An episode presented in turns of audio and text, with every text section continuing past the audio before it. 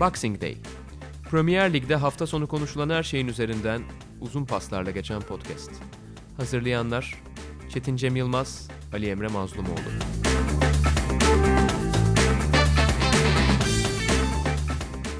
Sokrates Podcast'e hoş geldiniz. İngiltere Premier Ligi konuştuğumuz Boxing Day programında her zaman olduğu gibi Çetin Cem Yılmaz ve ben Ali Emre Mazlumoğlu birlikteyiz. Bu hafta yoğun bir gündem var. Biz programı pazartesi kaydediyoruz ve pazartesi bugün yani kurallar da çekildi. Şampiyonlar Ligi kuralları. Oradan başlayalım istersen. Çünkü İngiliz takımlarının son 16'daki rakipleri de belli oldu. Şampiyonlar Ligi'nde hepsi kendini bir üst tura atmayı başarmıştı. Liverpool, Atletico Madrid'le, City, Real Madrid'le, Chelsea, Bayern Münih'le, Tottenham'da Leipzig'le e, oynayacak. Şu soruyla başlayalım. Hepsi bu takımların dördü de çeyrek final görür mü? Ya dörtte dört yapmaları biraz zor görünüyor bana açıkçası. Çünkü en baştan Chelsea'yi Bayern Münih karşısında favori görmüyorum. Tottenham'da Leipzig'de biraz daha ortada gibi olacak artık form durumlarına bakarız. Ve City Madrid ayrı bir hikaye. Liverpool Atletico Madrid ayrı bir hikaye. Yani e, geçen sene Şampiyonlar Ligi'nde iki finalisti çıkartan İngilizler bu sene de hani böyle tulum çıkarır mı falan dersek biraz zor görünüyor. Ama tabii ki şey değiller yani iddiasız değiller falan ama Şimdi Bayern Münih'in en azından Şampiyonlar Ligi'nde 6 maçta 18 puan çıkardığını, Tottenham karşısında 2 maçta da toplam 10 gole ulaştıklarını falan düşünürsek hadi ikinci... Lewandowski'nin Evet Lewandowski'nin formu işte aynen Gnabry çok iyi gidiyor falan filan. Ee, Coutinho inanılmaz form tuttu. Şimdi hat-trick yaptı herhalde bir hafta, hafta sonu. Hafta sonu hat-trick yaptı aynen. Ee, dolayısıyla Bayern Münih arada birkaç tane sürpriz puan kaybı da yaptı ama Avrupa'da bayağı iyi gidiyor ve bu sene Şampiyonlar Ligi'nin hani favorilerinden bir tanesi sayılabilir. Chelsea adına enteresan olan 2012'deki şampiyonluğu kazandıkları Bayern Münih'in karşısına çıkacak onlar. Chelsea tarihinin en önemli başarılarından bir tanesi, en unutulmaz gecelerinden bir tanesi. Evet. Hani Almanya'da Münih kendi evinde kupayı kazanmak isterken son dakikalarda Drogba'nın kafasıyla maç uzamıştı. İzle, dinleyicilerimiz çok iyi hatırlarlar tabii. Daha sonra penaltılar sonucunda da Chelsea kupayı kazanmayı başarmıştı. Hatta çok da sürpriz sayılabilecek bir seneydi Chelsea açısından. Bu arada bugün de bir tweet atmış Bayern Münih İngilizce hesabından. Drogba'yı yanlış hatırlamıyorsam görmek istemiyoruz gibi bir... Şeyi mute o... yapmışlar. O kelimeleri mute ha, yaptık. Evet mute yaptıkları bir şey var. Çok güzel bir tweet. 2012 doğru. ve Drogba kelimelerini mute yaptık. Zaten Alman kulüplerinin e, Twitter hesapları evet. her zaman dillere destandır yani. Yine çok güzel bir dokunuş yapmışlar. İşte yani hikayeli bir eşleşme olduğu kesin. Diğer tarafta en göz alıcı hani marquee eşleşmesi bu seri bu turun e, Manchester City Real Madrid oldu. Belki bir anlamda işte Guardiola'nın tekrar Real Madrid'le karşılaşacak olması, Manchester City'nin yıllardır işte kendini Avrupa'nın elitlerinden bir tanesi olarak kabul ettirmek isteyen bir takım olarak artık hani Avrupa'nın geleneksel olarak en büyük takımı diyebileceğimiz Real Madrid karşısına çıkması ilgi çekici olacak. İki takım da zirvesinde değil. Yani 3 sene üst üste şampiyon olan Real Madrid ve ligde 2 senedir çok başarılı olan Manchester City'den birkaç sene ilerideyiz açıkçası. Hani mesela bu takımlar 2017'de karşılaşsa çok daha başka bir şey görebilirdik ama yine çok ilginç bir eşleşme olacak. İşte Guardiola ve Zidane iki çok büyük futbolcu ve iki çok önemli teknik adam. Ee, iki farklı ekol de aslında. Evet aynen yani Zidane'ın şampiyonluğu kazandırdığı senelerde belki hani Real Madrid adına çok imza atılacak bir oyun hı hı. anlamı e, oyun görmemiştik ama maçları kazanmayı, turnuvaları kazanmayı hep çok iyi başardı. Çok kısa sürede çok fazla kupa topladı Zidane. Ee, hatta öyle bir noktaya geldi ki artık hani gidebilecek başka bir yeri kalmadı bıraktı ama sonra takım da çökünce geri çağırdılar falan. City adına sakatlıklarla da geçse sezon. Yani Leroy Sané, e, Laporte şimdi Agüero sakat e, ligde de çok Liverpool'un gerisinde kaldılar. Artık Ama... çok istedikleri şey o Şampiyonlar Ligi'ndeki başarı ve şu anda kimse onları şey için suçlayamaz. Hani ligi boşlama boşadıkları için. Dolayısıyla Avrupa'da yani Şampiyonlar Ligi'nin en ciddi adaylarından bir tanesi. Bir de yani... ligde sanki böyle kafa olarak ya bu ligde çok bir şansı olmadıkları artık apaçık ortada kendileri de muhtemelen böyle değerlendiriyordur. Tabii ki son dakikaya kadar kovalarlar ama bundan sonraki hedef, birinci hedef Şampiyonlar Ligi. Bir de önemli belirleyen bence transfer sonrası bu iki takımlar karşı karşıya gelecek. Yani orada City'nin hani savunma hamleleri nasıl olur, ne yapar falan bence bu eşleşmede bayağı bir belirleyici olacak. Kesinlikle. Bu arada olmasa bile City Real Madrid'in önünde gibi duruyor. Ama Real Madrid'in de bir kültürü var sonuçta. Evet yani takım olarak City daha etkileyici dursa da yani buraları daha çok oynamış. Şimdi tamam Cristiano Ronaldo gittikten sonra çok güç kaybettiler ama yani Şampiyonlar Ligi tarihinin en golcü oyuncularından bir tanesi. Benzema var hala orada. Ee, Kroos, Casemiro, Modric'li bir orta saha var. Yani dolayısıyla savunmada problem yaşayan bir City karşısında hani Hı hı. ger- gerçekten etki- e, üstünlük sağlayabilecekleri yerler var. Dediğin de bu arada doğru. Bu hafta içerisinde iki tane farklı açıklama vardı. Bir tanesi İlkay Gündoğan'dan artık yetişmemiz çok zor Hı. görünüyor. Kabul etmemiz gerekiyor diye e, hani Liverpool'a böyle hani kimisi akıl oyunları da diyebilir ama hani samimi bir demeç olarak da yorumlayabilirsiniz. Bir tanesinde de Guardiola'nın e, aklımızda Liverpool yok çünkü Liverpool olması için önce Liverpool'u geçmek için önce City Leicester City'yi geçmemiz gerekiyor demeci var.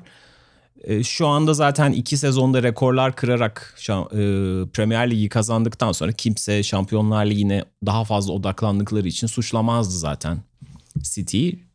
Ligin gelişimi de zaten onları bu noktaya getirdi. Tabii abi adam zaten gel kupaları değişelim bile dedi yani.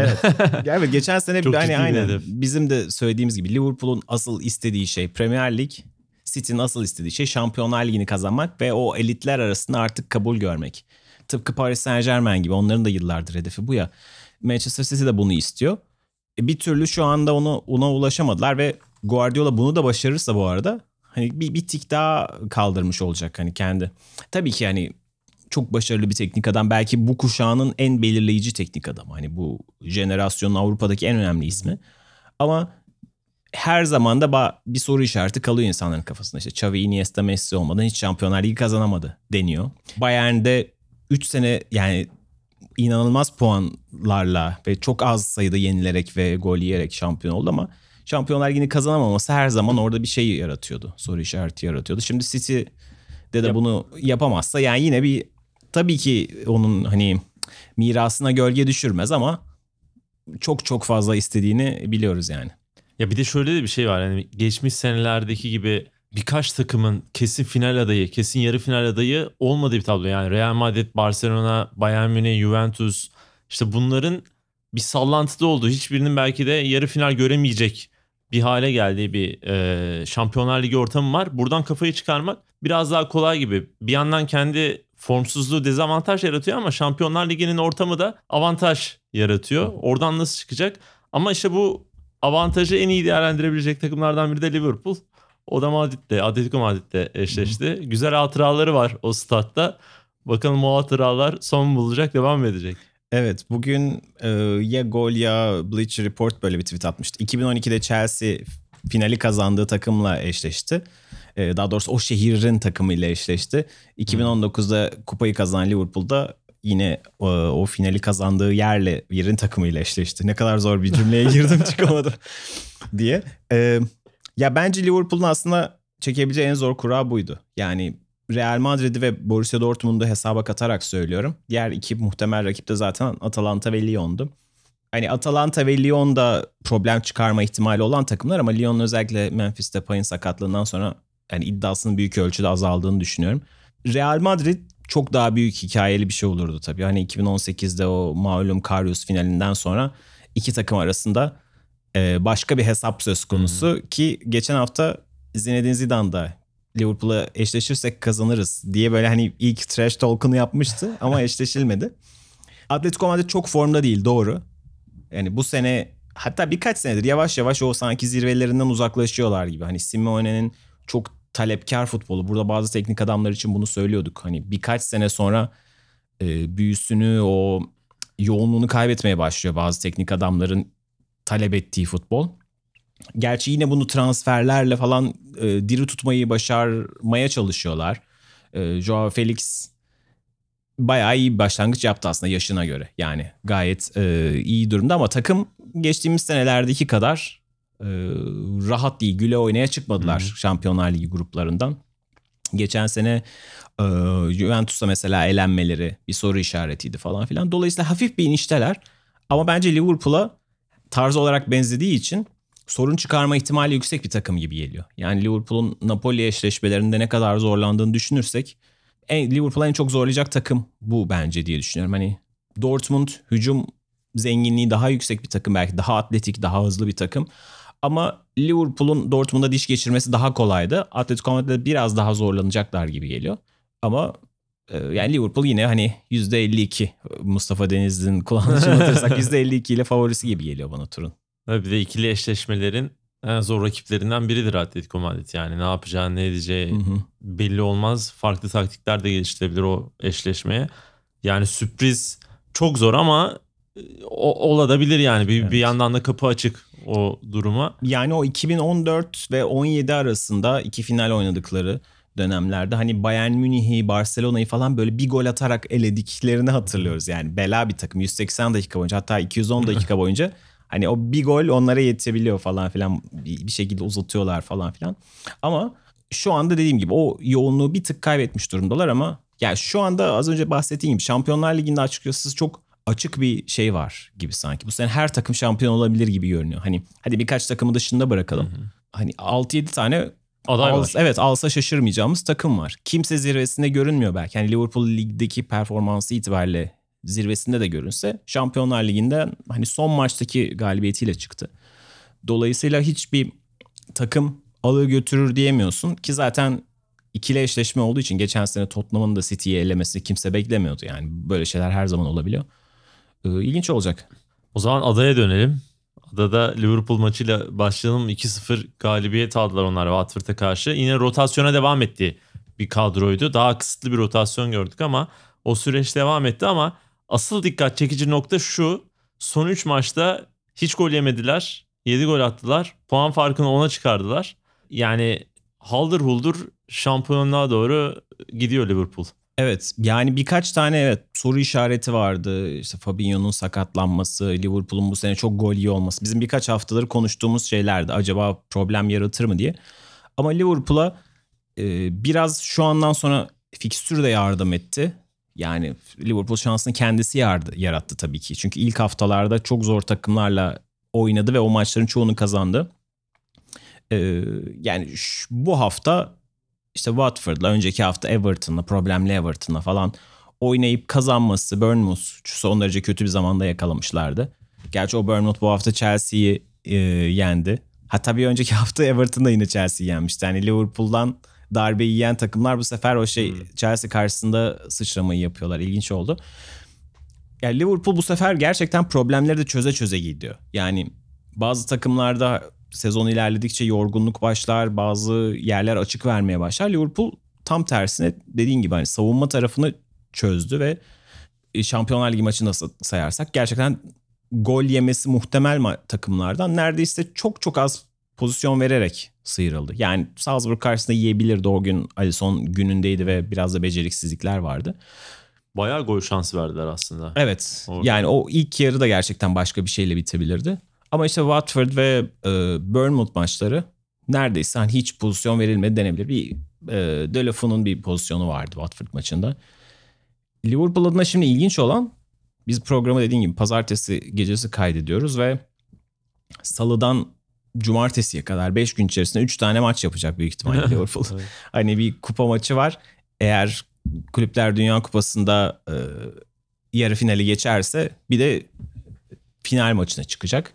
Dolayısıyla bu hafta Liverpool West Ham'la oynaması e, beklenen maçı ertelendiği için oynamayacak. Dolayısıyla Liverpool'un bu hafta bir maç eksiği olacak ama iki tane rakibi de o birbiriyle oynuyor. Böyle de enteresan bir eşleşme denk gelmiş durumda. Manchester City ve Leicester City oynayacak. Dolayısıyla Liverpool hani Katar'dayken puan farkını açmış olacak bir anlamda. İki takım da kazanamayacağı için.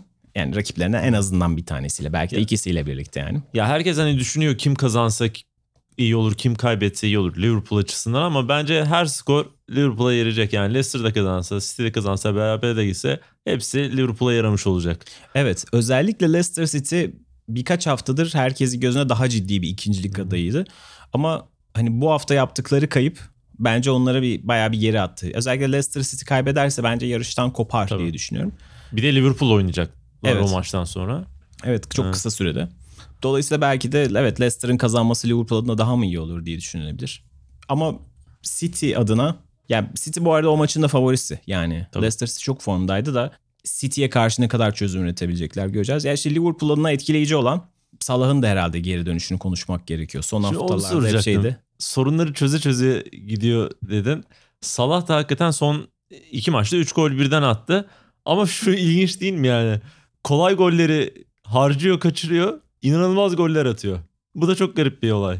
Evet yani e, Salzburg'da attığı gol harikaydı. E, Watford'da da iki golle bir birbirinden enteresandı ama gerçekten o eski e, Salah bitiriciliğine yaklaştı. Yine ger- aslında kaçırdığı pozisyonlar da var doğru. Çok kolay pozisyonları kaçırdı gerçekten. Ceza altı pasın içinde falan.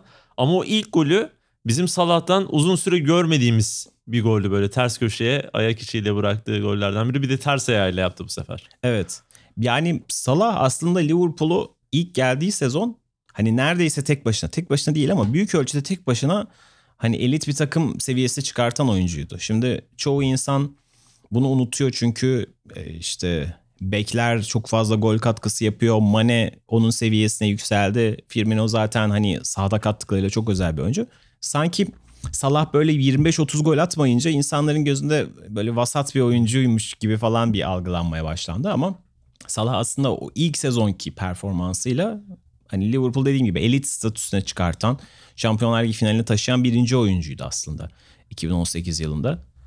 Ee, Liverpool'un da şu anda birden fazla kupada ilerlediğini düşünürsek tam gereken yerde tekrar vites arttırmaya başladı. Hani bir, belki bir aydır, bir buçuk aydır çok iyi değildi. Ee, beklendiği kadar böyle gol atamıyordu falan ama bu ritmi bulması, kendine güvenini tekrar kazanması. Yani belki kendine güveni sorunlu değildi ama hani atamayınca bir şeyli oluyor golcülerde. Özellikle Liverpool'da hani ilk haftalarda konuştuğumuz Salah'la Mane arasında hmm. böyle bir gol sayısı polemiği olur mu falan filan muhabbeti vardı. Şimdi bu aralar birbirlerine asist de yapıyorlar. Dolayısıyla Evet golden sonra özel olarak birbirlerine gidip tebrik ediyorlar. Evet. Mesaj da veriyorlar. Aynen. Hem kendilerine mesaj veriyorlar hem kamuoyuna mesajlarını veriyorlar. Evet dolayısıyla o, o açıdan da keyifler yerinde görünüyor. Eğer Liverpool bu hafta kimileri mesela bu tip kupalara çok önem vermez gibi görünür ama eğer bir takım bir seri yakalamışsa hani mümkün olduğu kadar onu yani tüpü dışına sonuna kadar sıkması Hı-hı. gerekir bence. Yani şu an Liverpool dünyanın hani formda takımı, en sıcak takımı. Dolayısıyla kazanabildiği kadar kupayı kazanması e, yıllar sonra bakıldığında çünkü şeyleri hatırlamazsınız o finalleri falan filan kazanılan kupaları hatırlarsınız ve o Liverpool'un da çok de, önemli bir dönemeç. Çoğu taraftar şey diye bakıyordur doğru. Bu sene Premier Lig şampiyonluğu gelsin de ne olursa olsun hmm. ama ama bu da yani Şampiyonlar Ligi kazandığınız zaman ancak oynayabileceğiniz evet. bir kupa ya. Bence kolay kolay o, o anlamda şey değeri var yani. Kesinlikle kolay kolay hatırla e, gelecek bir fırsat Tabii. değil. Liverpool en son bunu işte 2005'te oynamıştı ve o sene de Santos'a galiba elenmişti. Ben hani bayağı içimde kalmıştı o yani tarihin. Eğer şeylerini bulurlarsa yani çoğu dinleyicimizin yaşının genç olduğunu ve o maçı çok hatırlamadığını tahmin ediyorum. Çünkü nereden baksanız 14 sene olmuş. Hani böyle sanki o 1970'lerden bahsediyor gibi oldum ama öyle yani işin gerçeği. Eğer bir yerlerden bulursa. falan. hani böyle Crouch'lu falan filan e, bir Liverpool'da Yani YouTube'dan da bulabilirler, istatistiklerine de bakabilirler. Tarihin böyle en tek taraflı finallerinden bir tanesiydi ama işte e, yenilmişti Liverpool. Dolayısıyla Avrupa takımlarının Güney Amerika takımlarına karşı oynaması her zaman sürprizlere açık. Hiç böyle beklenmedik sonuçlar çıkabiliyor. Dolayısıyla çok hani çantada keklik görülecek bir durum yok. Zaten görülmez yani sonuçta bir kupa finalinden bahsediyoruz. Ama Liverpool adına bence çok heyecan verici ve bunun Liverpool taraftarları açısından kıymetini bilmek lazım. Liverpool dünya şampiyonluğu maçına çıkacak eğer yarı finali geçtiği takdirde. Şimdi Liverpool adına şöyle de iyi bir şey var. Öndeki oyuncuları konuştuk performansını ama artık bence şöyle bir olay olabilir. Hepsini birden kesebilecek bir oyuncuyu transfer etti. Hani resmi olarak bu açıklanmadı ama artık herkes bitti gözüyle bakıyor. Yani bir ay içerisinde parasını verip alacaklar. Zaten parası da hani şu ekonomik duruma baktığımızda çok ucuza resmen hırsızlık gibi bir şey olacak. 7,5 milyon euroluk bir e, serbest kalma modeli var. Minamiro'dan bahsediyorum. Yani performansıyla ve Liverpool'a uygun e, oyunuyla biraz formsuz kalabilecek, herkesi kesebilecek bir oyuncuyu ve hücuma çok ciddi katkı yapabilecek bir oyuncuyu kadrolarına dahil ettiler. Yani zaten çok korkunçtu ön taraf. Şimdi bayağı bir daha da korkunç oldu. Evet yani tamamlandığı takdirde çok etkileyici bir hamle olacak ki herhalde de tamamlanmak üzere çünkü geçen hafta Klopp'ta basın toplantısında bir Japon gazeteciyi görünce artık sizin e, vatandaşlarınızı burada daha çok görmeye başlayacağız galiba diye de bir şaka yaptı ve tabii yani kulübün satış pazarlama bilmem ne bunların hepsi için bile çok iyi bir transfer olacak. Evet. Diğer yandan hani Salzburg'un Anfield'a geldiği maçta sahanın en iyilerinden bir tanesiydi. O 3-0'dan 3-2'lik geri dönüşün de mimarlarından bir tanesiydi. Daha sonra sanırım Salah atmıştı dördüncü golü ve hmm. Liverpool maçı kopardı ama e, Salzburg'da bu senenin hani böyle herkesin merakla beklediği oyuncu, hype oyuncusu Haaland belki ama e, hem hızıyla böyle zekasıyla tekniğiyle fark yaratan oyuncularından bir tanesi de Minamino. Dolayısıyla Liverpool'un da çok çok değerli bir iş bunu yapmak. Ve dediğin gibi öndeki 3 oyuncunun her bir, birisini yedekleyebilir. Hatta hani yedeğe de e, atabilir yani oyuncuları. Liverpool birkaç senedir bunu deniyordu. İşte Şakiri geldi, Oxlade Chamberlain ara ara oraya giriyor falan.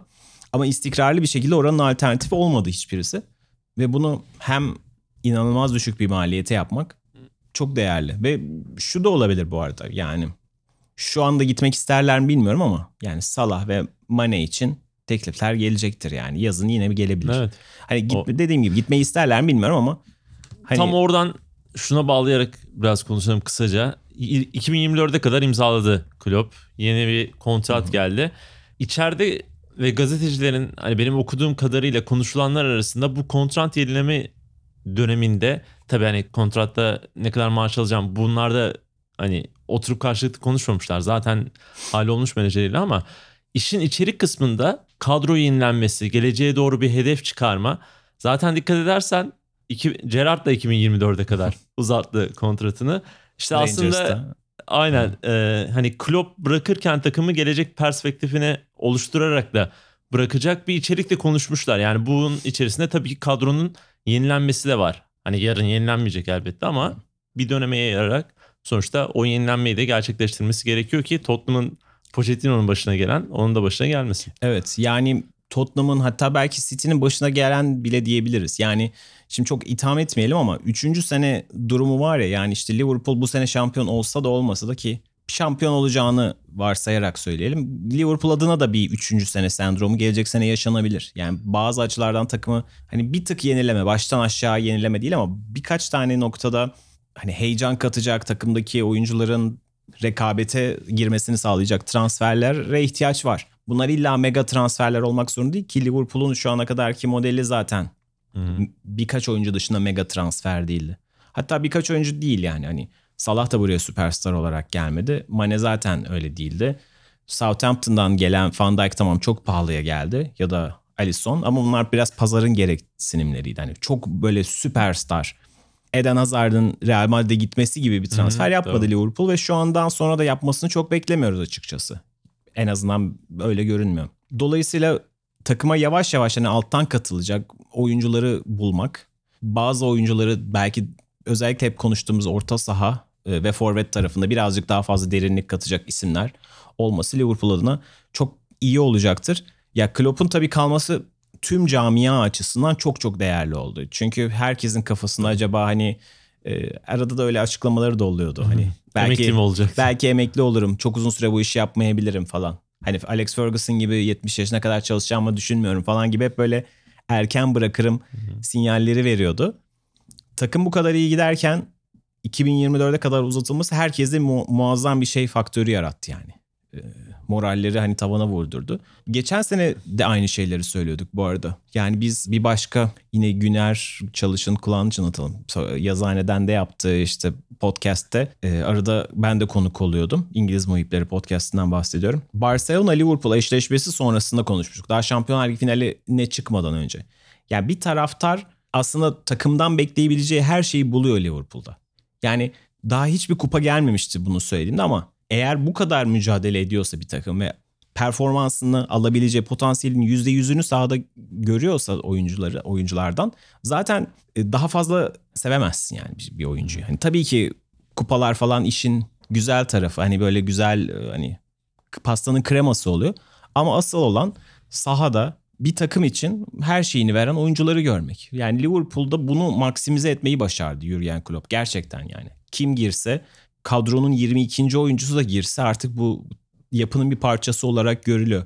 İşte Origi'sinden işte Lallana'sına işte Matip'inden Gomez'ine aynen. Şakir'isine kadar e, Değil mi? yedek Gomez kalesi- mesela Van Dijk'in yanında oynadı bu hafta ve bir anda şey oldu. Evet ilk 11 oyuncusu Gomez'miş aslında falan. diye. Aynen. Gomez. evet. Ee, yedek kaleci Adrian'ına kadar falan herkesin bir parçası olduğu bir yapı yarattı. Dolayısıyla bugün Liverpool'da iki sene önce diyelim ki Salah transferi Real Madrid Liverpool'un kapısını çalacak olsa herkesin içinde o korku olurdu. Çünkü Liverpool hep yani son yıllarda satan bir kulüptü. Ta Michael Owen'dan itibaren işte Torres Chelsea'ye gitti. Suarez Barcelona'ya gitti. Coutinho. Coutinho Barcelona'ya gitti. Dolayısıyla böyle parlayan bütün yıldızlar hatta Raheem Sterling Manchester City'ye gitti. Liverpool'un en Evet, acıtıcı şeyi buydu. Çünkü hadi diğerleri Real Madrid'de Barcelona'ya gitti falan diyorsun ama o direkt rakibine gidiyor falan. Ve yani senin alt yapından, alt yapından yani en azından senin çıkarttığın bir genç oyuncudan bahsediyoruz. Liverpool 2017-18 sezonunun sonunda Salah'ı kaptırsaydı hani benzer bir yıkım olurdu. Şu an o kadar büyük bir yıkım olmaz çünkü sisteme ve yapıya güveniyor Liverpool taraftarı. Tabii ki bir tane daha Salah'ı taktiği çıkarmak çok kolay değil ama işte hani Minamino'nun gelmesi buna dair bir işaret. Evet çünkü her zaman böyle olacaktır. Yıllar geçiyor yani zaman akıyor. Bütün oyuncular yavaş yavaş prime'larına yaklaşacaklar ve geçecekler.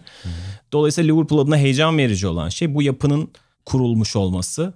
Ve bu yapının da aslında en pik dönemde yani şöyle bir şey. Kadroyu şu anda değiştirmek daha kolay. Çünkü her oyuncu da artık Liverpool'da oynamak ister. Hem geldiği konum itibariyle hem de Klopp'la çalışmak da önemli o noktada. Onu o takımın bir parçası olmayı ister. Ya Klopp da hani sen dedin ya bu takım o da çok seviyor. Liverpool'da olmayı çok seviyor. Emekli olacağım söylentilerin dışında. Yani abi gidiyor yaşlar kulübünde bocce oynuyor. Geliyor yılbaşında işte çocukları ziyaret eden ekibin içerisinde yer alıyor. Ya Liverpool'un bu arada kendi başına podcast yapan ya da böyle hafif gazetecilik yapmaya çalışan ama çok bilinmeyen kişilerine gidip röportajlar veriyor. Onu Anfield'da e, ağırlıyor falan. Ya böyle bir adam yani sadece takım değil abi bir ne denir ona community yaratıyor yani etrafta. Böyle bir adam ve onun kulüpte kalacak olması çok önemli. Senin şu sözünü bir noktaya bağlayacağım. Dedin ya taraftar yani her şeyi veriyor aslında. Bir taraftarın beklediği her şeyi. Onu veremeyen bir takıma istersen geçelim. Ee, Arsenal'a çünkü yani City maçının başında da tribünler çok dolu değildi zaten. Ama ikinci yarısında resmen boş bir tribüne oynadılar. Çok da beklenmeyen bir durum değildi bence. Yani bu olacak mı acaba diye hep kafada vardı. 3-0 kaybettiler ve müthiş bir Kevin De Bruyne izledik. Evet yani e, hani Kevin De Bruyne'yi bir tık sona mı bırakalım acaba? Hani Arsenal'la biraz konuşalım. Yani bir Evet. tık önce o- Hı hı. oradan girelim. Yani dediğin gibi taraftar adına herhalde en kötü şey o oyuncuların sahada olmaması. Tarafta e, teknik direktörün sistemine daha doğrusu şu anda zaten bir teknik direktör de tam anlamıyla yok. Yani idare caretaker, idare edici konumda olarak Jungberg var. O da şey demiş artık bir an önce belli olsun diye. Evet yani o, ona da zarar verdiği ortada. Çünkü yani durduk yere yıpranıyor. Bu arada Ancelotti ismi falan gündeme gelmişti. Hani en azından medyada. Bugün Ancelotti Everton'a yazılmaya başlandı. Böyle enteresan şeyler de var.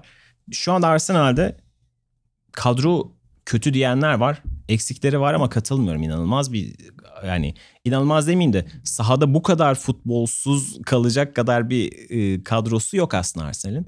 Ve hatta şöyle olumlu tarafından bakarsak bence uzun zamandır olması gereken savunma dışında ön taraf çıktı. Hani 4-2-3-1 olarak düşünürsek ortadaki ikili, önlerindeki üçlü tartışılsa da ve önündeki forvet olarak ideale yakın bir 11 vardı bence. Savunmayı hadi kenarda bırakalım. Çünkü orada biraz tartışılır tercihler vardı ama ama sahada o kadar hiçbir şey gösteremedi ki Arsenal. Yani her şeyi böyle ruhla hırsla açıklamak çok doğru değildir tamam.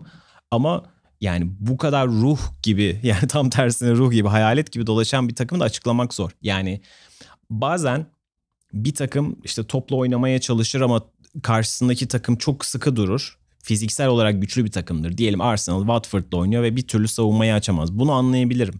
Ama City maçındaki kadar gayretsizliği ve City'nin elini kolunu sallaya sallaya gelip işte bir devrede 3 tane gol atmasını ve buna karşı hiçbir reaksiyon göstermemeyi hani anlamak çok zor ve gerçekten hani hayal kırıklığı yaratıcı bir durum.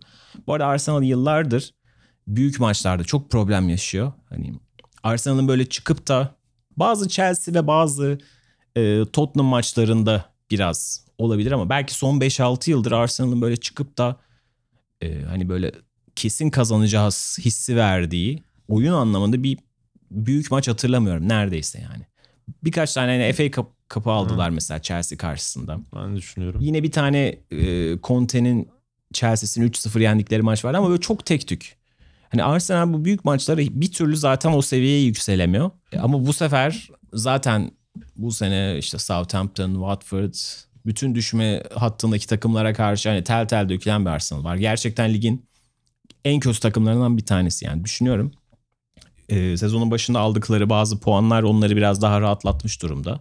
Ama Ya bu kötülük hani bir de- korku şeyi yaşardı yani. Everton'ın yaşadığı gibi. Everton da gerçi aldığı puanlarla çıktı oradan da. Hani o kabus görebilirdi Arsenal eğer sene başında aldıkları bir 2-3 ekstra galibiyet olmasaydı.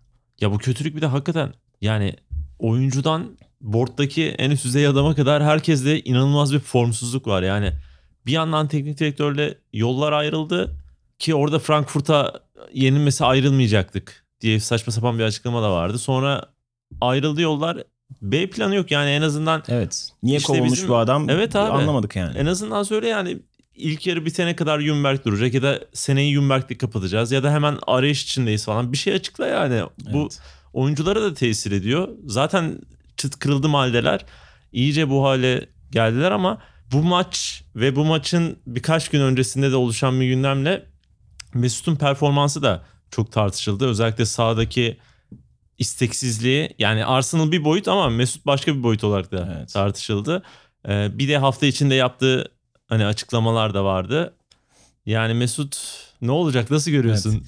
Şimdi Tamam. Mesut'un evet birkaç aydır aslında birkaç aydır değil yani Mesut sürekli bir problem. Varlığı da problem, yokluğu da problem. Her bulunduğu yer için böyle. Şimdi pek çok insan diyebilir ki işte en azından Unai Emery'e burada suç buluyorlardı. Ya bu adam niye oynamıyor? Hı hı. İşte skoru değiştirecek oyuncu var kadroya almıyorsun falan. Sonra kadroya almaya başladı. Mesut yine ortada yok. Evet. Hala e, bu sezon hala asisti var mı emin değilim. Galiba bir maçta yaptı ama bu hafta ilk 60 dakika 58 dakika sahadaydı. Oyundan alınınca e, tepki verdi bu sefer. İşte eldivenini fırlattı. Evet. Jungberg onu burada korudu. Dedi ki yani bir Mesut gibi bir oyuncunun oyundan çıkınca tepki vermesi doğal falan. Ama saha içerisinde görelim önce o tepkiyi yani. Bir reaksiyonunu. Mesut'un biraz bir şey anlamında bir dezavantajı var denir. Ee, hani vücut dili öyle adam ne yapsın falan. Yani öyle bay- gözleri daha şey bakıyor adam. Nasıl? Baygın bakıyor yani. Dolayısıyla hırs gözüne ateş çıkaran bazı oyuncular vardır. Öyle değil. Tamam fiziksel olarak öyle ama onu da sahada da göremiyorsun. E, dediğin gibi maçtan önce Çin'in Uygurlara karşı yaptığı e, muameleyi eleştiren çok sert ve ciddi bir açıklama yaptı. Bunun üzerine Çin'de de Arsenal'ın maçları maçının ya- yayınlanmayacağı açıklandı. Çin'in zaten hani o duvarı örmesi falan hep gündemdedir. Bunun üzerine hatta bazı Arsenal taraftarları neyse en azından bu işkenceyi görmek zorunda kalmadılar diye şaka yollu Twitter'da şeylerini gördük falan. Diğer yandan Mesut bunu ve geçen sene Dünya Kupası zamanında girdiğimiz polemikleri düşünürsek Mesut'un yani son bir buçuk yılda iyi maçından fazla siyasi e, polemiği olmuş oldu. Yani bir futbolcunun hani sen oyununa bak falan diyenlerden değilim tabii ki. Hani ses çıkartması falan ne yap kendi görüştür ona hiçbir şey diyemem ama Mesut'un bu kadar etkisiz olması kabul etmek çok zor geliyor bana. Yani ayda değil haftada 350 bin pound alan belki dünyanın en overpaid oyuncusu yani ve golü yok, asisti yok, isabetli şutu yok. Maçı bir tane e, kilit pasla tamamlamış ve ama o da galiba şeydi hani kullandığı bir kornerdi. Hani akan oyunda da bir şey üretemiyor ve hala maç sonunda bazı Arsenal taraftarlarının Mesut'un aslında bugün iyiydi ama işte medya onu yine eleştirecek falan dediğini gördüm. Ya bu iyi ise Arsenal adına gerçekten üzücü. Yani çünkü demek ki standartlar o kadar düşmüş ki Mesut'un bu halini hani iyi diyen var yani. Diğer taraftan şuradan bağlayabilirim. Henry Winter e, İngiltere'nin en önde gelen spor yazarlarından bir tanesi dedi ki işte hatta bu bahsettiğim tepkilerin bir kısmını ona gelen yorumlarda gördüm. Mesut Özil muazzam bir yetenek ama keşke e, karşısındaki Kevin De Bruyne'den biraz ilham alsa diye bir tweet attı. Çünkü Kevin De Bruyne olağanüstü bir oyun oynadı. Şu anda belki de Premier Lig'in en formda oyuncusu ama Manchester City'nin durumu yüzünden pek fazla göz önünde değil. Yani sadece bu maçtan bahsetmiyorum. Haftalardır inanılmaz oynuyor ve haftalardır tek başına takımı taşıyor. İngiliz medyası biraz da belki yani doğal olarak Raheem Sterling böyle birkaç tane hani tapinle böyle dokunuşla gol attığı, iki maç, iki gol attığı, üç gol attığı maçlardan sonra e, büyük bir Raheem Sterling övgüsü yaparlar. Kevin De Bruyne sezon başından beri tek başına takımı taşıyor. İnanılmaz golleri ve asistleri var. Ve hala hani normal bir oyuncuymuş gibi davranılıyor. Kesinlikle yani çok underrated buluyorum. Yani şimdi underrated şeyini de böyle çok böyle oyuncular için kullanmayı sevmem. Çünkü zaten hani herkes ne kadar yetenekli olduğunu biliyor. Ama gerçek anlamda geçtiğimiz yıllarda işte David Silva'nın, e, Sterling'in, Agüero'nun, Bernardo Silva'nın taşıdığı bir hücumu Şimdi sakatlıklar, işte formsuzluklar falan filan diye tek başına taşıyan bir oyuncudan bahsediyoruz. Ve dediğim gibi hak ettiği övgüyü aldığında düşünmüyorum ben. Olağanüstü bir oyun oynadı. Gollerin hepsi çok güzeldi. Bir tane de çok güzel bir vuruşla direkten döndü. Yani evet abi en güzeli olacaktır Evet. bence ya o çok acayip. yani şey. hat-trick'i tamamlıyordu. Asisti de var. Yani olağanüstü bir on numara performansı sergiledi. Ve e, Burada şeyin de ama bir faydası oldu yani. hani şey değil Arsenal- pardon hani De Bruyne'in oynadığı futbolsa Özil'in oynadığı yani bizim izlediğimiz futbolsa muhabbeti var ya tam o oldu yani. De Bruyne'nin şöyle de bir avantajı oldu. Yani savunmayla ön taraf o kadar kopuktu ki birbirinden yani. Öz, Özil'den itibaren bir çizgi çekilmiş. Arka tarafta işte biraz Genduzi, biraz işte Torreira bağ kurmaya çalışıyorlar ama o bağ da o kadar kopuk ki yani ben sen de dikkatini çekmişsindir yani. Ön tarafla arka taraf arasında böyle belki de 40-50 metrelik boşlukların olduğu ve Kevin De Bruyne'nin zaten çok zeki bir futbolcu. Bu aralara girerek inanılmaz bir şekilde yani Arsenal'ı dağıttı tam anlamıyla. Bir futbol izledik ama yani abi o ilk golü o seken topu ayak içiyle falan o kadar aşağıda tutması çok ilginç gerçekten. Çok büyük bir yetenek. Yani hep böyle oynasın ki izleyelim. Bir de herhalde şey de oluyor. İlkay ile Rodri yan yana oynayınca De Bruyne daha on numara gibi daha rahat girip çıkıyor oraya falan. O noktasında da performansı yükseldi gibi geldi bana bu hafta için. Evet. Tabii ki Arsenal'ın da dediğin gibi kopukluğu da çok rol oynadı. İkinci golde topu o kadar rahat taşıdı ki yani. E, Böyle aldı verdi ama böyle bir kanal açıldı resmen Tamam. önünde. Hani kimse dokunmadı ve asiste kadar öyle götürdü. Ama yani hem Arsenal'ın oyunu çok yardımcı oldu hem dediğin gibi City orta sahası ama çok etkileyici bir performans. Bu sezonun belki en iyi bireysel performansı bile diyebiliriz yani. Herhangi Premier Lig özelinde herhangi bir futbolcunun ve hani hem kendi kendi en iyi sezonunu geçiriyor hem düşünüyorum da Premier Lig tarihinin en iyi bireysel sezonları arasında yazılabilir. En azından bu 10 yılı düşünüyorum. İşte Salah'ın o bir sezonu, David Silva'nın bir önceki şampiyonluktaki performansı, geçen sene Bernardo, Bernardo. Silva falan. Ee, 2014'te Yaya Toure falan böyle hani çok imza seneler vardır. Aslında Kevin De Bruyne bu sene onlardan bir tanesini veriyor ama çoğu kişi geçen sene ve önceki sene Gerçi geçen sene sakattı pardon. İlk 100 puanlı şampiyonlukta ilk büyük sıçramasını yapmıştı. Hani o seneki kadar övüldüğünü bile zannetmiyorum ama e, City'nin biraz formsuzluğuyla da Tabii. alakalı bu. Bir yandan da ligde dördüncü sıra için rekabet acayip kızıştı. Çünkü çok değerli orası şu anda. Yani ilk üç ya belli demeyeyim ama en azından ilk üçe şu an çok uzak. Kıyı hiç gözükmediği için dördüncü sırada yani böyle epey bir takım yarışır hale geldi. Ki bunları hep birlikte tartışalım istersen ayırmadan. Chelsea, Tottenham ve Manchester United orası için en büyük aday gibi gözüküyor. Yani Sheffield da var tabii ki oralarda. Uzun süredir orada ve gitmeye de niyeti yok ama yani baktığımızda bu üç takımın muhtemel adaylar olduğunu görmek mümkün. Yani Chelsea çok formsuz. Özellikle son birkaç haftadır City'ye yenildiğinden itibaren herhalde bir serbest düşüşe geçmiş durumda. Ki Bournemouth'a da kaybettiler. Kaybederken de çok kötü oynadılar. Yani ikinci yarı tamamen Bournemouth'un hakim olduğu bir maç izledik. Diğer taraftan Tottenham son dakikada golü buldu Vertonghen'le. Çok zor bir deplasmandan Evet. çıkarttılar. Ee, çıktılar. Manchester United da aynı problemi yaşadı. Top ayağındayken yine kazanamadı. Hı hı. Yani evet şimdi geçen hafta aldığı iki sükseli galibiyetten sonra ben dördüncü sıra için artık bir Manchester United konuşuruz diye düşünüyordum ama bu hafta yine e, zorlandılar. Aslında bu bahsettiğimiz üç takım Sheffield United'ı bir tık dışarıda bırakalım. Üç takım da yani çok kusurlu durumdalar. Tottenham biraz Mourinho sonrası toparlanmış görünüyor ama hala kusurlu bir takımlar. Ama evet bu hafta Wolves gibi ligin en zor deplasmanlarından bir tanesinden 3 puan çıkarmaları etkileyiciydi. Chelsea sezon başından beri en coşkulu futbolu oynayan takım biraz bir duvara çarpmış gibi görünüyor. Şampiyonlar Ligi'nden gruptan çıkmayı başardılar ama herhalde ligde son 6 maçta bir galibiyet falan oldu. Yani 5'te 1'de 6'da 1 oldu sanırım. Hı. İşte ve yenildikleri takımlar da böyle ligin en iyi takımları değil. Tabii. Bournemouth 6 haftadır kaybediyordu. Onlar da United'ı yendikten sonra Çok ilk galibiyetlerini aldı. gelmişler. ha. Çok formsuzlardı.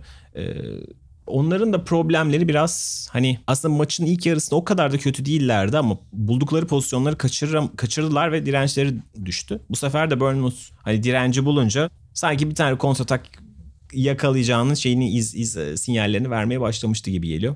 Hani Tammy Abraham çok iyi bir sezon geçiriyor ama hala Premier Lig'de bir takımı Evet. tek başına taşımak için hani yeterli görünmüyor. Hani hemen yerine yeni birisi alınsın demiyorum ama böyle bir oyuncunun taşıdığı bir takımsanız bazen bunları yaşayacaksınız. Ama diğer taraftan destek çok azaldı. Pulisic muazzam bir Hı. Kasım ayı geçirmişti ama Evet. ortada yok. Ee, Mason, Mason Mount, Mount'un yine evet destek düşüşü. veriyordu. En azından skor katkısı veriyordu. O da biraz düşüşte. Son haftalarda William biraz taşın altına elini sokmaya çalışıyor ama o da yeterli değil. Ama hani gol bulamıyor açıkçası şu anda Chelsea. Haftalardır hep yani e, Bournemouth karşısında sanırım 20 kadar şutları var. Bir kısmı da bayağı böyle hani kale önünde karamboller falan filan ama bitiremiyorlar onu. Eğer işte Abraham'ın hani patlama yapıp attığı günler o şeyi yaşıyorlar. aslında Ee, şey yani geliyor ama Chelsea ile ilgili mesela biz de burada bayağı bir konuşmuştuk. İyi bir takımlar, gençler iyi gidiyor, iyi bir proje oldu falan derken ama herhalde ne kadar kırılgan bir takım olabileceğini çok hesaba katmamışız. Birçok Evet. kişi de aynı şeye. Çünkü yani West Ham, Everton yenilgileri, City yenilgisi gelince takım bir anda yani çok yani Bournemouth maçı aslında rahat bir maçtı. Bournemouth kötü olduğu için söylemiyorum ama formsuz olduğu için söylüyorum. Ama burada da hiç yani üretemeyen aslında. Pozisyon bulup onun da bir kafa yapısını işte tam gol atamayan yani bir türlü oraya taşıyamayan bir durum oluştu Chelsea'de. Onların bence şu transfer döneminde ne yapacağı çok önemli bir duruma geldi. Özellikle bir savunmaya herhalde evet. Ake zaten hani ellerinde gibi bir şey 40 milyon verse alacaklar. Öyle bir durum var. Ama bu baktığımızda 3 takım arasında kadrosu en güçlü olan Tottenham herhalde ve dördüncü sıraya adına en iyi onlar gözüküyor sanırım. Evet yani onlarda tabii şimdi en büyük avantaj Moura'yı da sonunda iyi kullanıyor. Yani hep burada da bahsediyorduk. Aslında e, geçen sene Şampiyonlar Ligi finale çıkmalarındaki birinci etkendi Lucas Moura ama bir türlü düzenli oynayamıyordu. Şimdi hem Lucas Moura hem Delali hem de Son düzenli olarak katkı vermeye başladı ve işte her maç bir tanesi öne çıkıp atabiliyor. Dolayısıyla Premier Lig için standartları çok üzerinde bir hücum hattı var. Premier Lig'in belki de en iyi golcüsü zaten ellerinde. Ee, en iyi hani 9 numarası Hı hı. diyelim. Arkasındaki destek hattı da muazzam. Ee, bu hafta birazcık hani yavaş yavaş artık Eriksen de sanki hani devreye giriyor. hani biraz futbolu hatırlamaya başladı gibi görünüyor. Ee, bu anlamda en azından Tottenham maçları kazanma şeyi daha yüksek bir takım yani.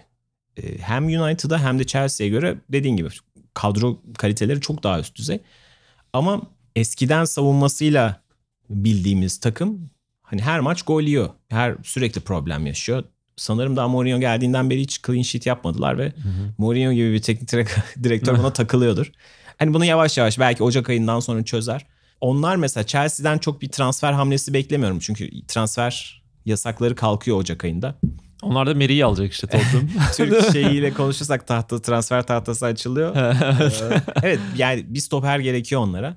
Tottenham'ın ne alacağı ilginç olacak. Yani yapacaklar mı transfer diye. Çünkü aslında kağıt üzerine kadroları iyi ama hani bir bek transferi belki yapabilirler ya da Hı hı. bir türlü Endombele'yi kanı ısınmadı. Belki oraya birisinden mi olacak falan. Gerçi Sissoko son haftalarda oynuyor ve iyi. Hani o ilginç olacak ama oranın herhalde en güçlü adayı Tottenham gibi. Peki- United'da kısaca bağlayalım istersen. United yani bir iyi bir kötü bir iyi bir kötü. Bir hafta övüyoruz ve büyük maçlardaki performansıyla övüyoruz ama sonra gerisi gelmiyor. E işte bazen de bu hafta mesela özellikle Martial çok eleştirildi. Hep son haftalarda onları taşıyan ikili olan Martial Rashford e, Everton karşısında bir türlü işlemedi. Bu sefer de hani Everton Duncan Ferguson geldiğinden beri en azından hırsla ve korakor mücadeleyle rakiplere problem yaşatıyor ve iki maçta çok zor görünen iki maçta 4 puan almayı başardılar. Manchester United buna çözüm üretemiyor. Gerçi hani yedikleri gol çok komik bir gol ve hani açıkçası VAR tarafından bence iptal edilmesi gereken bir Evet gol. Yani ya, o neden faul neden olmadı değil, ben de Evet anlamadım. Ama Lindelöf'ün tamam yani aslında bence adapte olmak için o topun gelişine adapte olup kendini çekmek için çok zamanı Hı hı. vardı. Hani o golde kesinlikle Lindelöf hatalı. Ama Faul ya. Evet çok net bir Faul. Yani evet. o faul nasıl verilmez? Anlamış değilim açıkçası. Yani şimdi United'ı eleştirirken onu da söylemek gerekiyor. Ama işte bir şekilde bu tip mücadele eden takımlara hala diş geçirmekte zorlanıyor. Neredeyse bütün maçı doğru düzgün pozisyon yaratamadan da bitirdiler yani. Bir yandan böyle Lindelöf'ün golü işte Manchester United'ın yine toplu oyunda kazanamaması ama diğer yandan maçın hikayelerinden biri Moise Keane oldu. Yani 70'te oyuna girdi. 88'de geri aldı. Ya ben hani çok direkt bir soru soracağım. Böyle bir şey doğru mu ya bunu yapmak? Yani bu doğru değil bence. Şimdi açık söyleyeyim ben ya bu adam ne yapıyor dedim falan. Ama e, maç sonunda Ryan Giggs ve Ian Wright ikisi Hı hı. de teknik direktörü haklı buldu. Dedi ki hani orada bir mesaj vermek istedi ve pozisyonu tekrar izlettiler. Hücumda topu kaybettikten sonra adamını kovalamıyor. Evet. Ferguson Bağırıyor hatta. bağırıyor. Ferguson. Geri gelsene gelsene diye.